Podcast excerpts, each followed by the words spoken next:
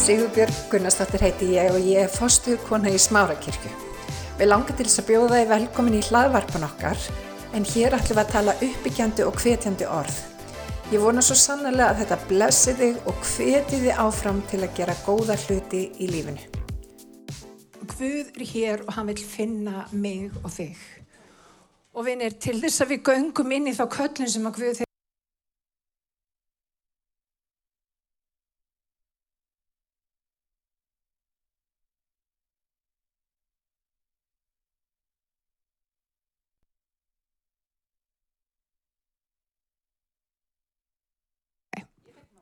Já, þú... Halleluja! Það er spurning maður kveiki aftur alveg með henn. Það er að koma. Er ekki allir bara rólegir í dag? Já, það koma því. Það sem ég vildi sagt hafa er að Guð er trúfastur. Og hann er, það sem hann er að gera, og maður fann það hér í dag, hann er að lækna sár. Við erum öll með sár. Og það er svo mikilvægt að þegar Guð kemur inn í líf okkar og það, þið finnu það, það bara, þegar nærverða hans kemur þá breytist eitthvað. Það er að taka við lækningunni, ekki vera bara hlýða línni. Segðu við drottin bara ég opna hjarta mitt fyrir því sem að þú vilt gera hér í dag og taka við lækningunni sem að drottin hefur fyrir okkur. Má ég heyra með henn? Þannig að við ætlum að bara örstuðt áður við förum inn í orði, þá ætlum við bara að lifta höndum okkar. Við ætlum að lofa drottin, við ætlum að bjóðan velkomin. Við ætlum að bjóða, við ætlum að opna hjart okkar, drottin, við opnu hjart okkar fyrir þér, fyrir heilugum anda, drottin. Viltu starfa fyrir anda þinn, drottin. Ég þakka þið fyrir nærveru þína hér í dag. Ég þakka þið, drottin, menn að þú ert sá sem að þú segist vera. Þú ert alfa og omega. Þú ert upphaf og endir alls, drottin, menn. Þú átt skilið alla dýrð, allan heiður og alla lofgjörð. Og drottin, við gefum þið dýrð þín í dag. Drottin, ég þakka þið fyrir það, drottin minn, að þú ert hér í dag og þú ert að lækna fólkið þitt, drottin.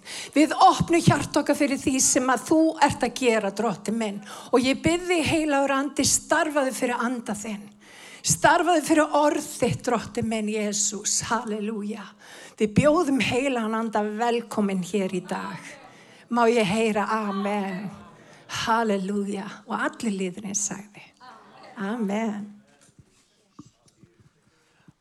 Í, í lágjörinu sá ég sín sem að hérna, Sippa staðfesti með að þegar hún var að tala með um lækna sárin.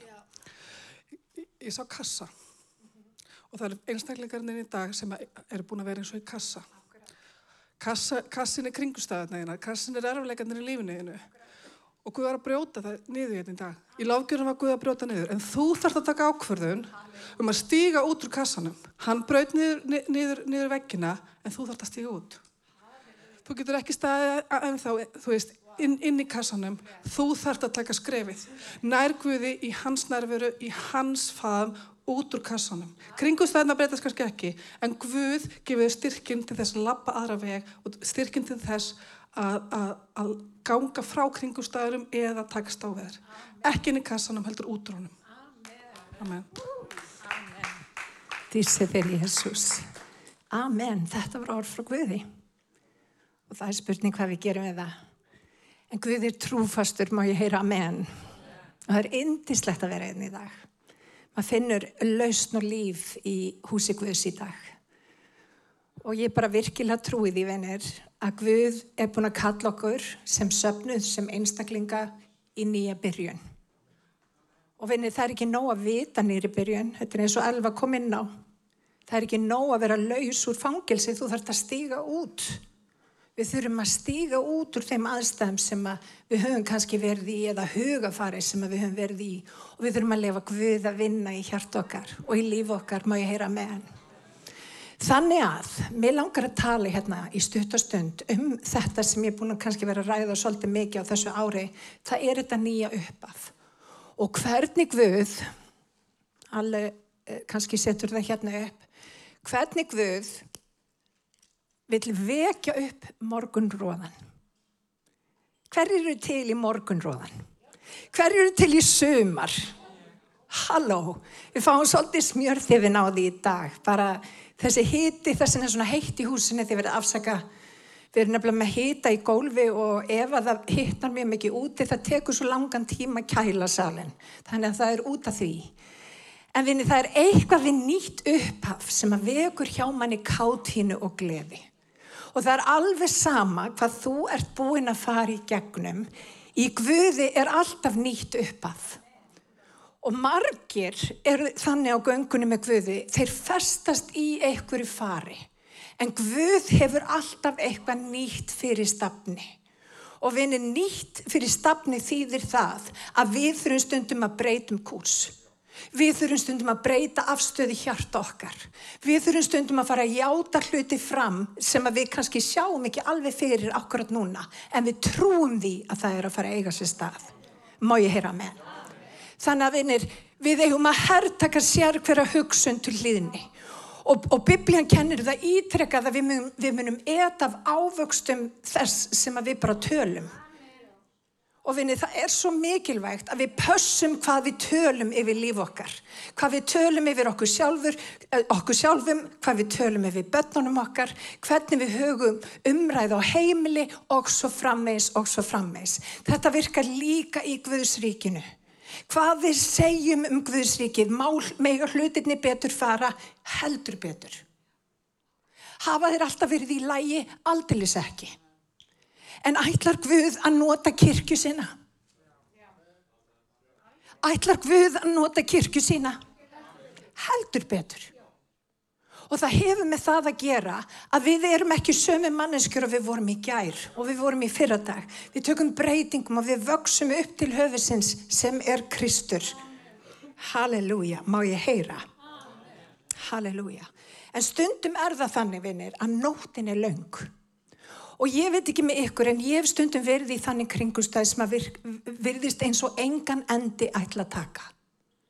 Vanlíðan á líkama sál og jáfnvel bara anda. Og það er eins og þessi nótt og þessi andli nótt og, og maður spyr drottin býtu hvenar líkur þessari reynslu. Hvenar fæ ég breyk, hvenar kemur sumarið drottin minn. Og vinir, það er nú oft þannig að vonbriði eru bara hluti af lífinu. Því miður. En bibljan kennir okkur að við erum að vera þolgóð í þrengingu. Við erum að vera þolgóð í reynslunni. Og Guð kemur oft með svona eldlega reynslur í líf okkar til að sjá hvað við eigum af honum. Og það er svo mikilvægt þegar hitin kemur á í okkar lífi að við leiðum Guði að taka við að við séum eins og þegar Jésu fór í eigðumörkinu og óvinnun reynda fristans, við segjum rita þér við kringustæðir okkar. Við segjum rita þér við hugsanir okkar og hugreiningar. Við tökum vald í andanum því að vinir valdið er þitt og það er mitt. Má ég hera með henn? Þannig að þú er kannski búin að vera á þessu miðnætur stund í all nokkuð tíma og svolítið búin á því og það eru kannski vonbriði. Og kannski er það þannig að þú er búin að upplifa skipsbrott. Kannski er það þannig að þú hefur upplifað eitthvað missi, eitthvað sásöka, eitthvað sem að þér finnst ég að vel ó, hérna, ómannskjulagt. Ég verð nú bara að segja að sömur fari gegnum kringustar í lífinu sem eru bara hreinlega ómannskjulegar. Ég er hérna með eina konu sem hefur farið í gegnum ómanniskulega kringumstæður. Hún misti barni sitt. Og ég skal segja ykkur það, oft hefur stöndum frammi fyrir ómanniskulegum reynslum.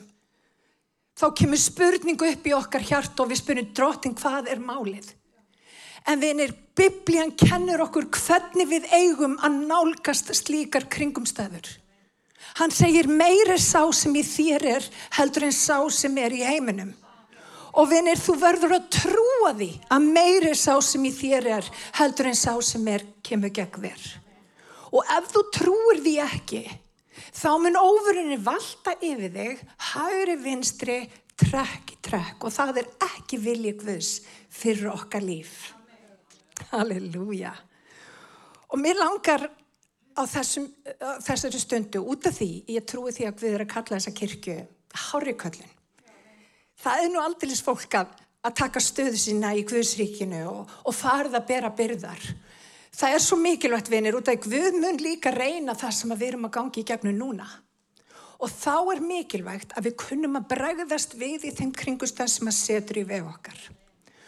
Og Daví konungur fór ótrúlega oft í gegnum þessar erfiðu reynslur. Hann var kallar á Guði og þeir biblían kennir hann var maður eftir Guðs hjarta. Og Davíð var ekki fullkomi maður. Hann var hórdómskall, hann hjælt fílitt framhjáttu, margar konur, hann með þess að drap mann, hann var maður eftir Guðs hjarta, hvernig getur það verið? Jú, út af því hann átti lofgjörði hjartanu. Hann átti yðrun í hjartanu. Hann átti auðmygt fyrir Guði í hjartanu. Og það er það, vinnir, sem að kveikir áhuga drottins í kringumstæðum okkar. Má ég heyra með? Þannig að likillin er alltaf lofgjörð. Við heyrðum sungi hérna áðan dag og nótt, nótt og dag. Og á miðnáttu tímanum þá er nótt. Þá skiptir máli hvort það sem að rýs upp úr okkar lífi sé ilmur, drottni til dýrðar eða eitthvað annað. Og það er undir mér komið og það er undir þér komið. Og hann hefur treyst okkur fyrir því að við getum gefið honum alla dýrð í öllum kringustæðum. Má ég heyra með hann? Þannig að við ætlum að fara í Sálum 57. Og bara þannig ég útskýri hvað er að gerast í þessum Sálmi. Uh, Daví konungur uh, var þarna orðin hundeltur af, af, af Sál. Sál náttúrulega, Guð hafi smurt Daví til að vera konung yfir Ísrael á meðan Sál var konungur. Það mæltist ekki vel fyrir. Eins og stundum er. En Guð yðrast hvorki náðargefanir köllunar. En það sem hann gerir fyrir köllun okkar, hann, hann gerur útvalninguna vissa. Hann mótar eitthvað í lífi okkar til þess að við getum stafið undir þeirri köllun sem hann hefur ákvarðað fyrir okkur. Og stundum þegar hann er með köllun á líf okkar, þegar það er eitthvað mikið sem að liggur fyrir framann okkur, þá setur hann okkur í reynslu. Ekki til þess að brjóta okkur niður, heldur til þess að við getum reysið herra á göngunum og honum. Að við förum að gera það sem við ekki bara vitum, að við höfum ekki bara heyrt, heldur að við framkvæmum. Það er ekki nóg að þekka orgvus, við verðum að framkvæma það. Má ég heyra með henn? Þannig að þannig er Davíð í hræðilegum kringustöðum, enn og aftur, hundeldur að sál, sál konung og hann er búin að, að, að hérna, þurfa að flýja höllina. Sál er afbríðsamur, hann er reyður. Hann vil ekki hlusta á það að Davíð sé kallaði til að vera konungur yfir Ísæl. Og það sem að meira er, Davíð var vinsæl í Ísæl. Það voru farin að syngja, sko, þjóðin var farin að syngja ljóð um Davíð og reynda Sál, Sál fældi þúsund, Davíð tíu þúsund. Og þið geti ímyndað okkur hvernig kongunum fannst um þessi orð. Og það reys upp í hann afbreyðsemi. Oft er það þannig vinnir að þegar Guðið kallaði stóri köllun þá reys upp afbreyðsemi. Það mun fólk koma gegn þér. Ég þekki það bara eigin skinni. Fólk jáfnvel setur fyrir því snörur en vinnir Guð hefur gefið þér allt til þess að þú náið fram að ganga. Ef þú bara hlýðir hans orði, ef þú bara ferð eftir ákveðin prinsipum sem hann hefur gefið í orði sínu. Og við skulum lesa hérna saman í sálmi 57.8 og það stendur svo. Hjarta mitt er stöðugt, Guð, hjarta mitt er stöðugt. Ég vil syngja og leika. Vakna þú sál mín, vakna þú harpa mín og gíja. Ég vil vekja morgun róðan. Ég vil lofa þig á meðal líðana. Drottin, veksama þig meðal þjóðana. Við vitum það að flest öll lofgjörðarlög sem við syngjum hafa einhverja tilvísun í Sálma Davís. Því hann var lofgjörðar hérna, einstaklingur. Það var lofgjörð í hjarta Davís og hann kunni þetta vinnir að leita drottins í öllum hlutum. Þannig var Davíð komin inn í einhvern, hérna, felustad og hjartans var hrygt. Hjartans var búin að upplega sársöka, hann var búin að upplega deburð, hann var búin að missa allt, hann var orðin í rauninni útlægi í landinu sem hann kallaði til þess að leiða. Og vinir í staði fyrir að barma sér, í staði fyrir að, kvart og kveina, í staði fyrir að, gefast upp, þá fór hann að syngja drottni lofsöng. Og vinir, við þurfum að fara að læra að syngja drottni lofsöng í öllum kringum stæðum. Dag og nótt, vinir, nótt og dag. Dag og nótt, nótt og dag, það skiptir ekki málið þótt að þessi miðnættu stund í þínu lífi, hann er samt verðugur. Hann er samt verðugur. Hann er trúfastur og hann er heilagur og hann er háttu pafinn, bursi frá mínum kringum stæðum. Og við vitum það, biblían talar um kvöld og modna. Það til dæmi segir í sálmi 30 að kvöldi gistur og skrátur en það er gleði söngur á modni. Og hérna er Davíð að tala um, ég ætla að vekja upp morgun róðan. Takið eftir þessu orðalagi. Ég skal vekja upp morgun róðan. Þannig að þú og ég getum vakið upp morgun róðan. Það þýðir það að þegar þú ert í miðnættu kringumstæðum, hvað þú gerir í þeim kringumstæðum vekur upp morgunróðan. Og vinni þess vegna er svo mikilvægt að við tökum mark á því sem orguð segir. Því að það eru hérna fólkinninni sem að þurfa að fara að vekja upp morgunróðan. Vinni, það er ekki vilji Guðs að við festumst bara í eigðimörk, að við göngum ring eftir ring í vondri og erfiðu reynslu.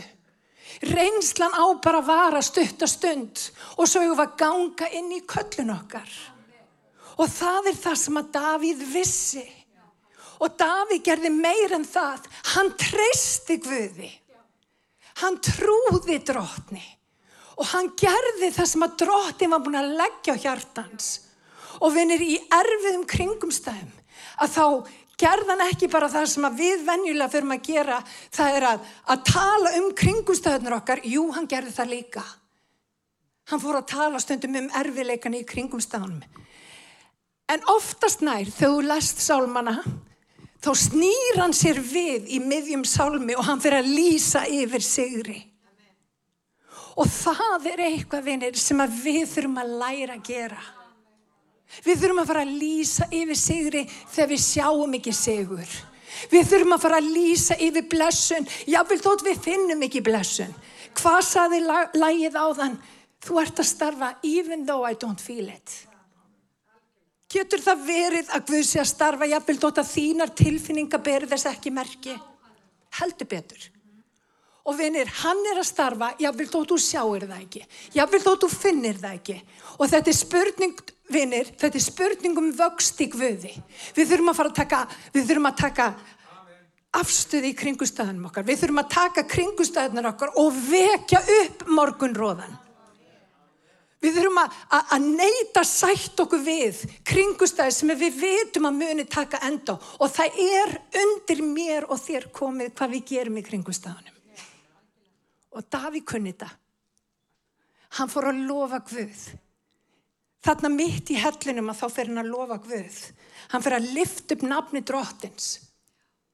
Hann fer að treyst honi fyrir því að hann ætla að bjarga hann út úr þessu, að hann muni koma því til leiðar. Og vinni, Guð gerði það. Nokkur mánu síðar, þá var Davíð ennþá á fullu hlaupum undan sál konung og hann fór til Siglag. Vinir, þetta er nokkrum klukkustundum áður en Davíð var gerðu konungur yfir Ísæl.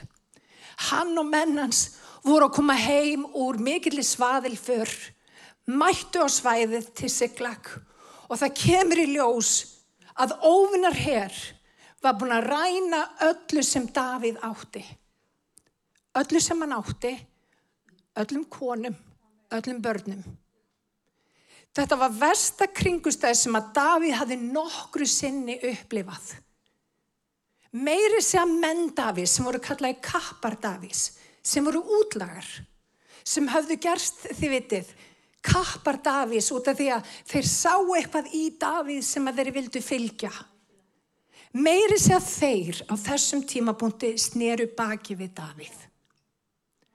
Og það var svo alvarlegt að þeir, þeir ætliði meiri að ganga frá honum. Þau ætlaði að drepa Davíð. Og hvað gerði Davíð í þessum kringumstæðum? Hvað gerði hann? Hann fór að lofa Guð. Biblían kennir að hann hafi ressi upp í Guði sínum. Hvað er að frétta? Ef að Davíð gata þá get ég það. Og vinnir, ef að ég geta þá getur þú það. Og við getum gert það öll. Vinnir, það er ekki endilega kringustæðna, það eru viðbröð okkar við kringustæðunum sem skipta máli. Og vinnir, hvað gerðan? Hann resti sig upp í Guði sínum. Hann resti sig upp í Guði sínum. Hann fór að lofa Guð. Og þessi bæn, þessi sálmur 57, er bæn Davís. Hann, hann nefnilega fer með þessa bæn ekki einu sinni í sálmánum, hann fer með hana tvísvar. Tveir ólíkir sálmar. Og mér langar til þess að lesa fyrir okkur örlítið hérna, sem að kannski lýsir hugar heimi Davís þegar hann lendir í þessum hræðilegri reynslu. Hann byrja ljóðið svona, ég ligg innan um ljón sem hungrar í menn. Tennur þeirra eru spjót og örvar. Tungu þeirra bitur sverð. Sín þig himnum herri guð. Dýr þín breyðist yfir gjörfalla jörðina. Svo kemur hérna númið sjö. Þeir lögðu net fyrir fætur mér og beigðu sál mína. Þeir grófu mér grifju en fjallu sjálfur í hana. Og vinnir, það sem að Davíð er að gera hér er bara að lýsa hræðilegum kringumstæðum. Þetta er það sem við gerum öll.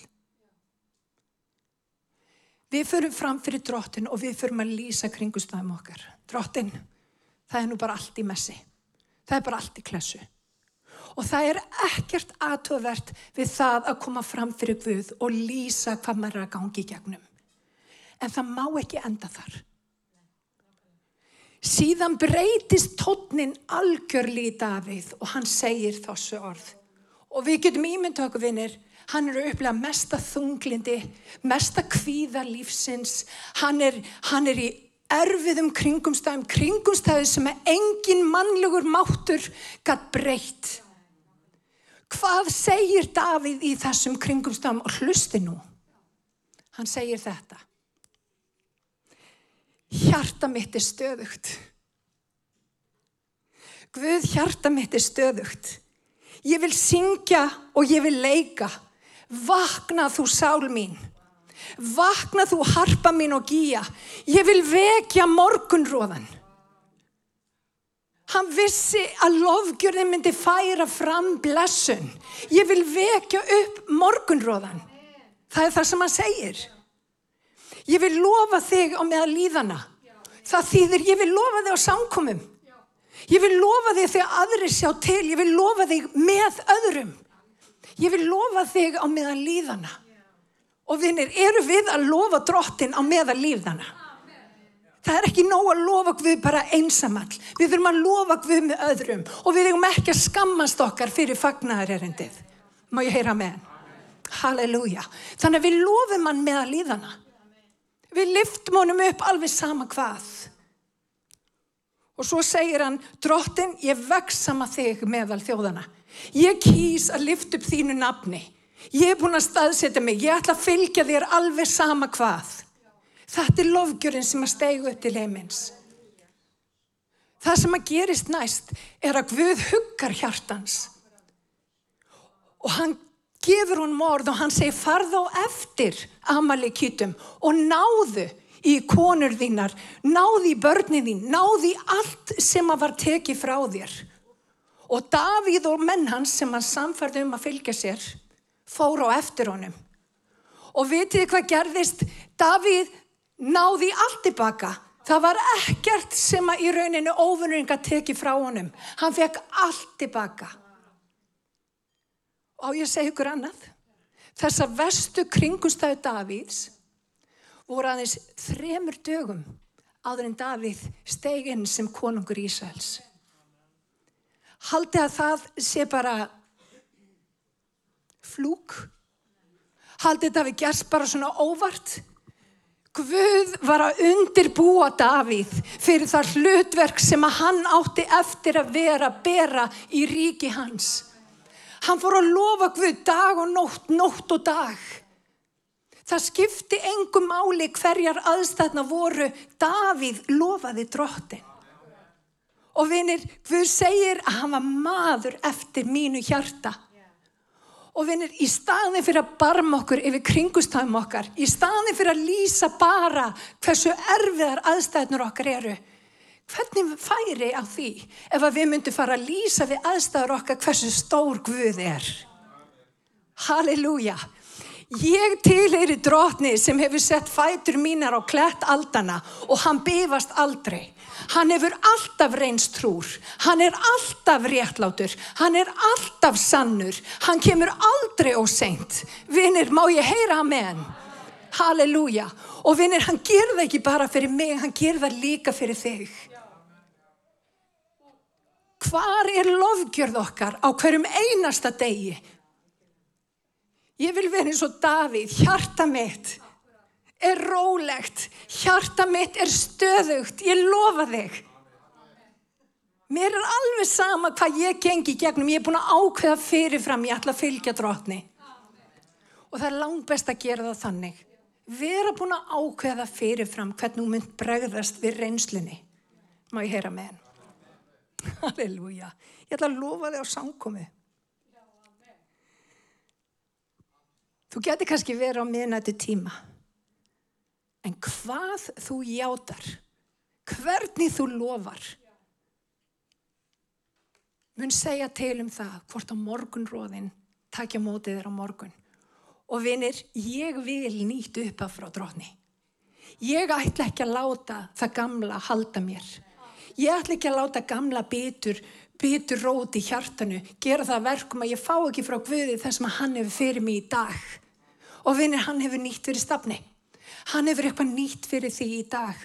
Þannig að leifum ekki óvinnum að stela frá okkur blessunni. Má ég heyra með hann? Og bara þannig þið trúið mér, þá ætlum ég að fara í fyrir samhólusbók 30. kapla 19. vers.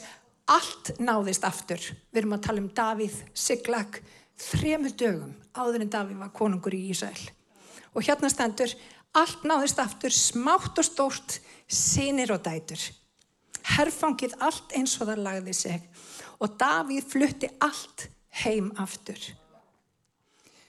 Vinni, við þurfum nefnilega að gera rúm fyrir nýja dögun í okkar lífi. Og stundum er það þannig að við þurfum að afklæðast við gamla til þess að íklæðast hennu nýja. Og það stendur í þriði Mósebók í 27. kapla, þá munið þið neyta uppskeru frá fyrri tíð. Fyrningar fyrri ára og þið munið þurfa að bera gamla kornið út til að rýma fyrir nýri uppskeru. Mér finnst það sem að Guð er einhvern veginn að tala til kirkuna sinnar í dag, er að, er að gera rúm fyrir nýri uppskjöru. Og vinir, kannski er það eitthvað, þú veist, miðnættu stund sem að þú hefur farið í gegnum og þú er kannski að leggja það svolítið að baki þér.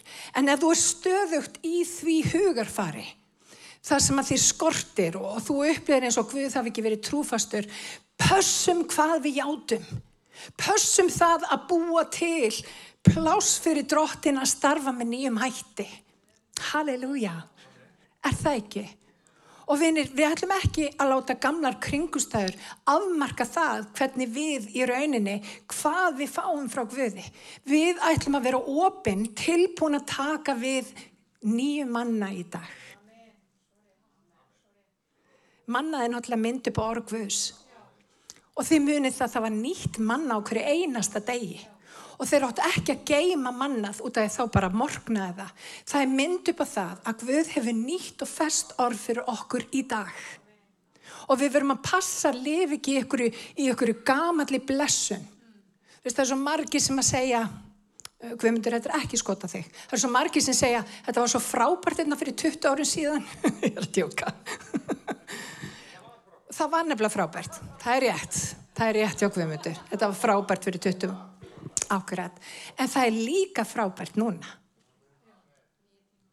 Má ég heyra henn Guðmundur? Nei, tjók.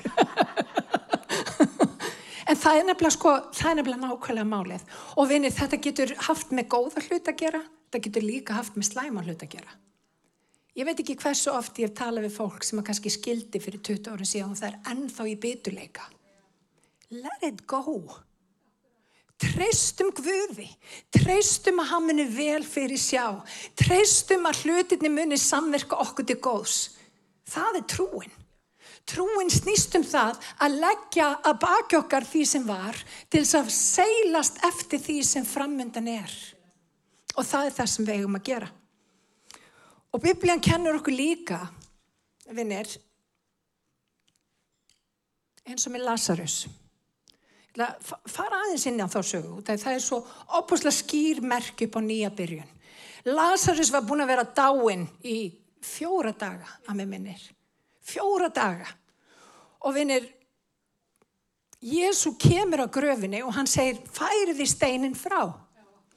Og sýstir hans og Marta, hún segir, nei, nei, nei, Jésu, það er bara komið nálikt, það er bara vond lykt. Hann er búin að vera dáinn lengi. En Guð vissi að hann var ekki búinn að vinna í gegnum Lazarus. Hann ætlaði að gera sjálfa sér dílan og hann segi við mörtu. Ég, þú átt að vera tilbúin fyrir það að ég geri sjálfa mig dílan, að Guð geri sjálfa sér dílan hér í dag. Og hvað gerist? Jésu stendur frammi fyrir gröfinni, það er búið að velta steinunum frá og hann segir hári raustu, eins og maður sem valdið hefur. Og vinir, þegar við stöndum frammi fyrir kringustæðum, þá þurfum við að tala eins og maður sem valdið hefur. Og hann segir, Lazarus, komdu út. Og hann segir það hári skýri rödu, eins og maður sem hefur valdið, sem hann hafði. Og hvað gerist? Lazarus kemur út. En vinir, Lazarus var bundin. Hann var bundin í lík klæði. Og í einni þýðingunni þá segir hann við á leysið Lazarus. Og stundum er það þannig að við erum búin að fara í gegnum einhverju kringustar og það er bara hreinlega lík klæði í kringum okkur. Það er eitthvað dögt í okkar lífi en við berum það með okkur.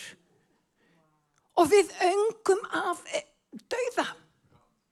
Það sjá allir dauðan sem er í kringum okkur. En vinir, drottin segir, leysiði mannin. Og hann segir við því í dag, verður leystur í Jésu nafni. Það er ekki nóg að fara út úr gröfinni, þú þarfst að taka af þér þessi klæði sem halda aftur að þér. Þetta er gott. Þetta er bara mjög gott. Og vinir, það er fólkinn í dag sem eru með klæði á sér. Og það er komin tími til þess að þú afklæðst. Ekki hér, ekki núna. Bara þannig að það sé alveg á hreinu. Andlega séð, best að hafa það alveg á tæru. Þannig einhver verður ekki alveg rosalega fullur að trú og verði hérna alveg bara hálf berasæður. Það sem ég er að meina, það eru lík klæði á þér. Þú hefur farið í gegnum eitthvað, eitthvað miðnættu stund og í staðin fyrir að fara bara í gegnum stundina þá er þetta búið að festa rætur í þínu lífi. Þú ert reyður, þú ert bitur og það finna það allir sem er í kringum þig. Og vinir, Guð vil leysa þig hér í dag. Guð vil gefa þig nýtt hér í dag. Hann vil vekja upp morgun róðan.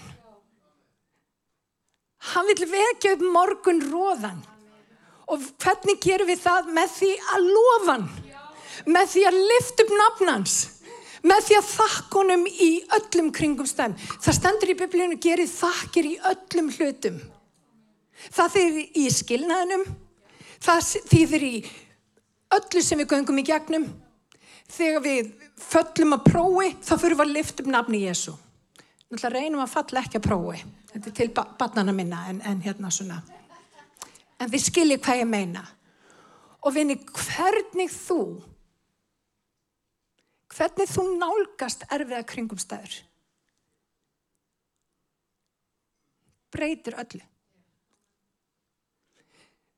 Þú getur nálgast það til dæmis eins og Daví gerði fyrst með því að barma þér, með því að vera þunglindur, með því að vera reyður eða þú getur farið að lifta upp nafni Jésu. Það er bara tvent í stöðinni. Þú getur farið að gera þakkir í öllum hlutum. Og vini, ég vil vera eina af þeim sem gerir þakkir í öllum hlutum. Og ég vil bara segja ykkur hér, við erum alveg sjúklega blessaði lífur. Bara verið í þessari kirkju, ég minna hvað er að frétta hérna, það er svo mikið blessun. Og við þurfum að minnast á blessanir drottins. Æðsta form af lofgjörð er þakklæti. Fyrir hvað ertu þakkláti fyrir í dag? Minnstu þess, talað um það, þakkaðu drottni, lift upp nafnans og talaðu til þíns eigin hjarta og segir róa þig hjarta mitt. Ég ætla að vera hér, ég er búin að staðsetta mig hér, ég veit að Guð mun gera stórkastlega hluti úr þessum kringustöðum. Ég ætla ekki að hafa ágjör. Halleluja. Má ég heyra amen? Er þetta gott? Rétt svona í lokin að það langar mig að fara í Jóhannes 21. Og þannig er Jésu, elsku besti Jésús okkar, búin að fara upp á krossen fyrir þig og mig.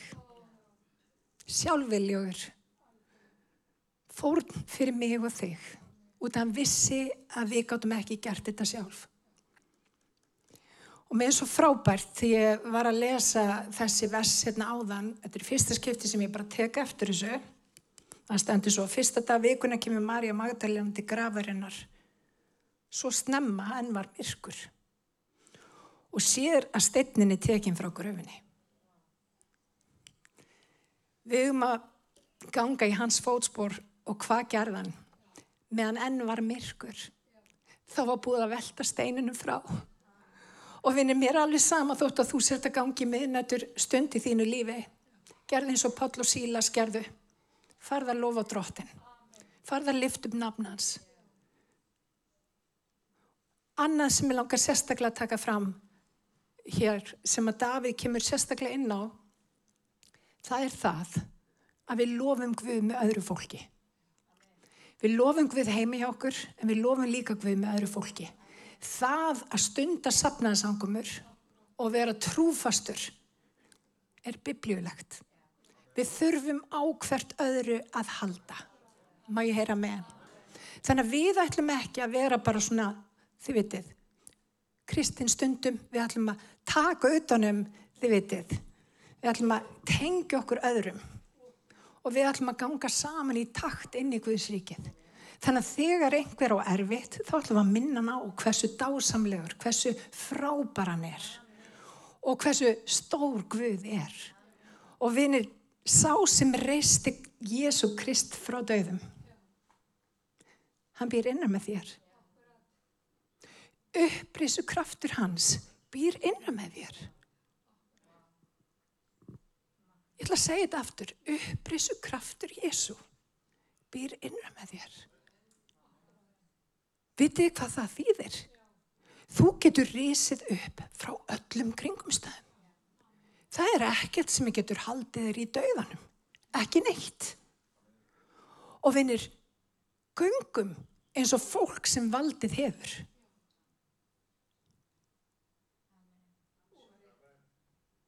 Ég ætla að segja þetta aftur, göngum eins og fólk sem valdið hefur. Og það er meiri sá sem í okkur er heldur en sá sem er í heiminum. Má ég heyra amen?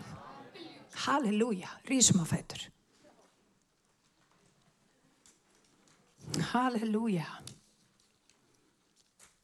Heilagur Jésús.